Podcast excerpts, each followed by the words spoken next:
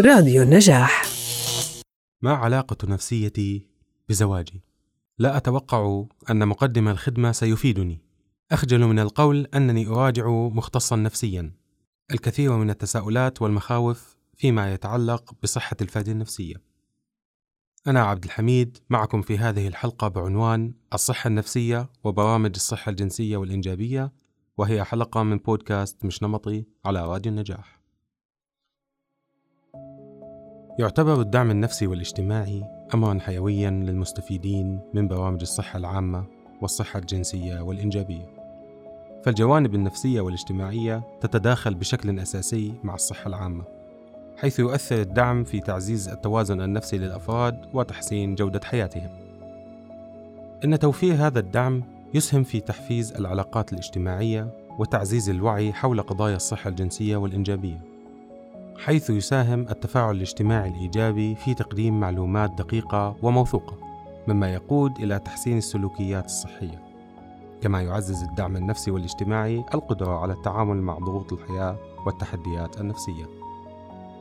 الدعم النفسي والاجتماعي مكمل أساسي للعلاج الطبي، حيث يسهم في تحقيق نتائج أفضل وزيادة فعالية العلاجات. لذلك يجب أن تكون هذه البرامج شاملة ومدعومة بجهود مستمرة لتعزيز الصحة العامة وتعزيز الوعي الاجتماعي والنفسي. اسمحوا لي مستمعينا أن أرحب بضيفتنا الكريمة الأستاذة آن الجيوسي داعمة نفسية واجتماعية في مركز سواعد التغيير لتمكين المجتمع أهلا وسهلا أستاذة آن أهلا فيك شكرا لكم على الاستضافة كيف بنعرف الدعم النفسي والاجتماعي؟ آه، حابة أتشكرك على هذا السؤال لأنه فيه رفع وعي لمفهوم الدعم النفسي والاجتماعي اللي ممكن يكون لبعض المجتمعات خاطئ آه، بحب أو بقدر أعرفه بمعنى أنه هو أي فعل بحسن من قدرة الفرد أو المجتمع على أنه يتعامل مع الظروف غير العادية للحدث الحرج اللي ممكن يمر فيه أو مر فيه من قبل إيش دور برامج الصحة النفسية في توفير الدعم للمستفيدين؟ آه، ممكن نحكي إنه دور برامج الصحة النفسية وكمان كدوري بمركز سواعد إنه نساعد المستفيد ليصير عنده إبصار على نفسه أكتر أو إبصار بنفسه أكتر. آه، وبمعنى إنه هو يصير عنده استيعاب أكتر لأفكاره مشاعره. ونقدر إحنا نمكنه من إنه يصير عنده قدرة على اتخاذ آه، قرار مناسب للأمور اللي بيواجهها ولندعمه أكتر حتى يصير آه، عنده القدرة على التأقلم والتكيف مع الظروف غير العادية اللي مر فيها أو ما زال بمر فيها. طبعا هذا الحكي بصير عن طريق أدوات وإجراءات ومهارات آه، ممكن إنه يكتسبها من خلال جلسات الدعم النفسي. أكثر الفئات العمرية والاجتماعية اللي بتحتاج للدعم النفسي؟ آه هذا السؤال صراحة برضه كتير مهم آه بس آه هو فعليا ما في فئة محددة ممكن تعتاز أو تحتاج دعم نفسي نقدر نحكي أن جميع الفئات العمرية هي بحاجة الدعم مثل ما كمان كل فئات المجتمع هي بحاجة الدعم وبنقدر برضه بنفس الوقت إنه نحط بعين الاعتبار إنه في ظروف ممكن تكون خارجية محيطة ممكن تستضعف من الفرد أو قدراته ووقتها بصير الشخص بحاجة دعم نفسي يمكن أكثر من غيره. طيب آه، أستاذة آن إيش البروتوكولات المتبعة ما بين الأخصائي والمستفيد؟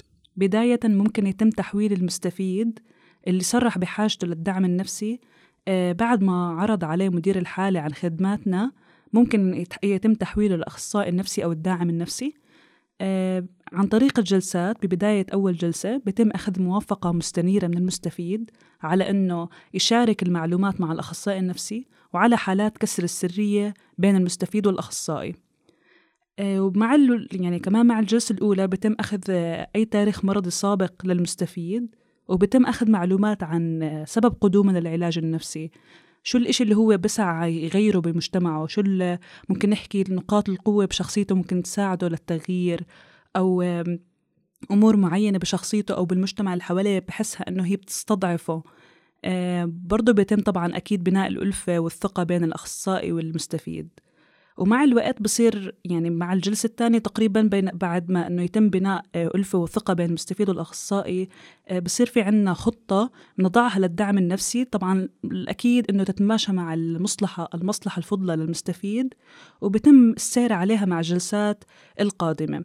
ولما يتضح لنا أنه المستفيد آه، صار يمتلك الأدوات اللازمة القادر فيها أنه يتأقلم ويتخذ قرارات مع الظروف غير العادية نضع خطة لإنهاء الجلسات لنغلق الملف طبعا أكيد بعلم المستفيد وبعد هيك يعني الإشي اللي كتير أساسي والإشي اللي إحنا كتير بنركز عليه إنه يضل في متابعة بين الأخصائي والمستفيد لما يصير في أي انتكاسة أو أي حاجة للمستفيد بإنه يرجع لجلسات الدعم النفسي إيش الدور اللي بيلعبه الدعم النفسي في التوعية بالصحة الجنسية والإنجابية؟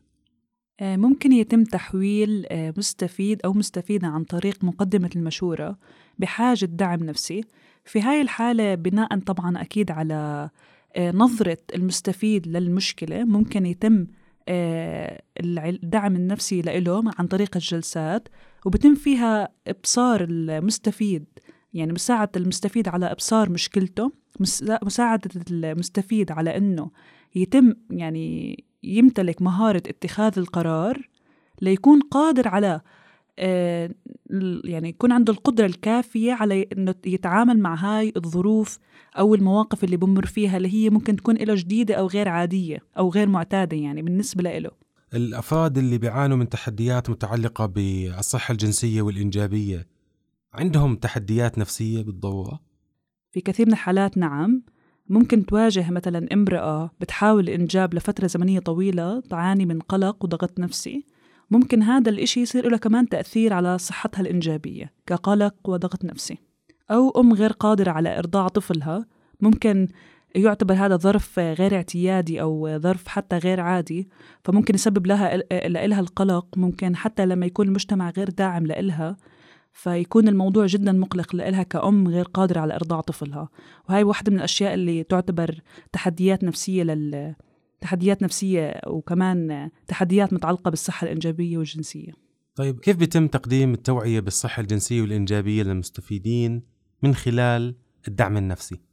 هلا بحب بداية كمان أشرح عن مركز سواعد كمان يعني رح أوضح أكيد من فكرة الدعم النفسي بس حابة أوضح كمان أجزاء تانية.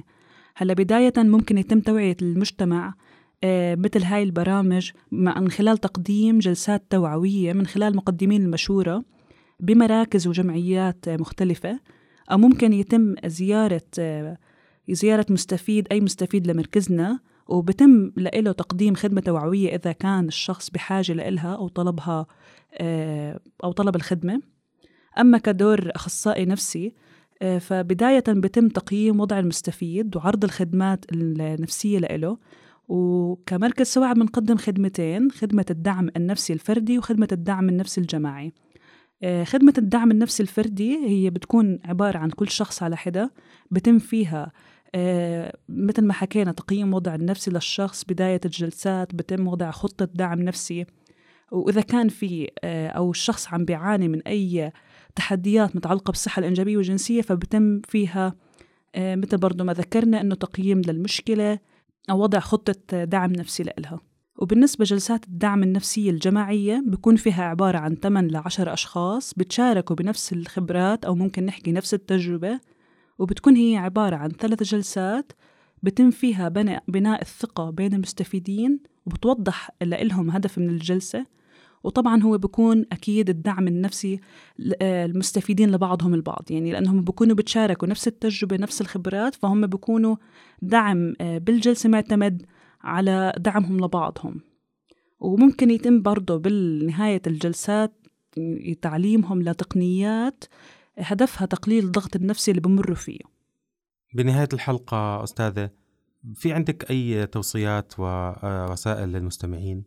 آه، أكيد. أول شيء كتير حابة صراحة أشكركم على هاي الاستضافة وبحب أحكي إنه كلنا كمجتمعات وأفراد بحاجة الدعم النفسي والاجتماعي ويمكن ما نكون واعيين على هذا الإشي. فهو فعليا آه، صار أكثر من إنه رفاه رفاه نفسي هي حاجة للجميع. ومهم كمان نعرف إنه العلاقة بين المستفيد والأخصائي هي بتوفر السرية والخصوصية للمستفيد وهي علاقة يعني آمنة خالية من أي تمييز أو أي أحكام. يعني العلاقة بين الأخصائي والمستفيد هي علاقة جدا صحية.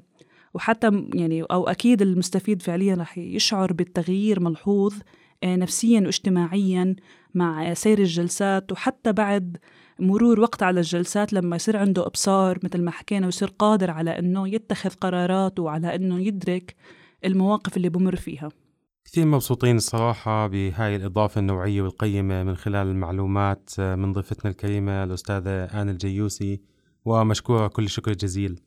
شكرا لكم بتمنى أنه أكون قدمت استفادة لكم بالتأكيد مستمعينا مستمرين معكم في حلقات أخرى من بودكاست مش نمطي ومواضيع جديدة. كنت معكم أنا عبد الحميد من خلال راديو النجاح. ما تنسوا متابعة الراديو عبر حساباته على المنصات الصوتية SoundCloud Spotify Apple Podcast. Google Podcast ومن خلال زيارة الموقع الإلكتروني النجاح dot net.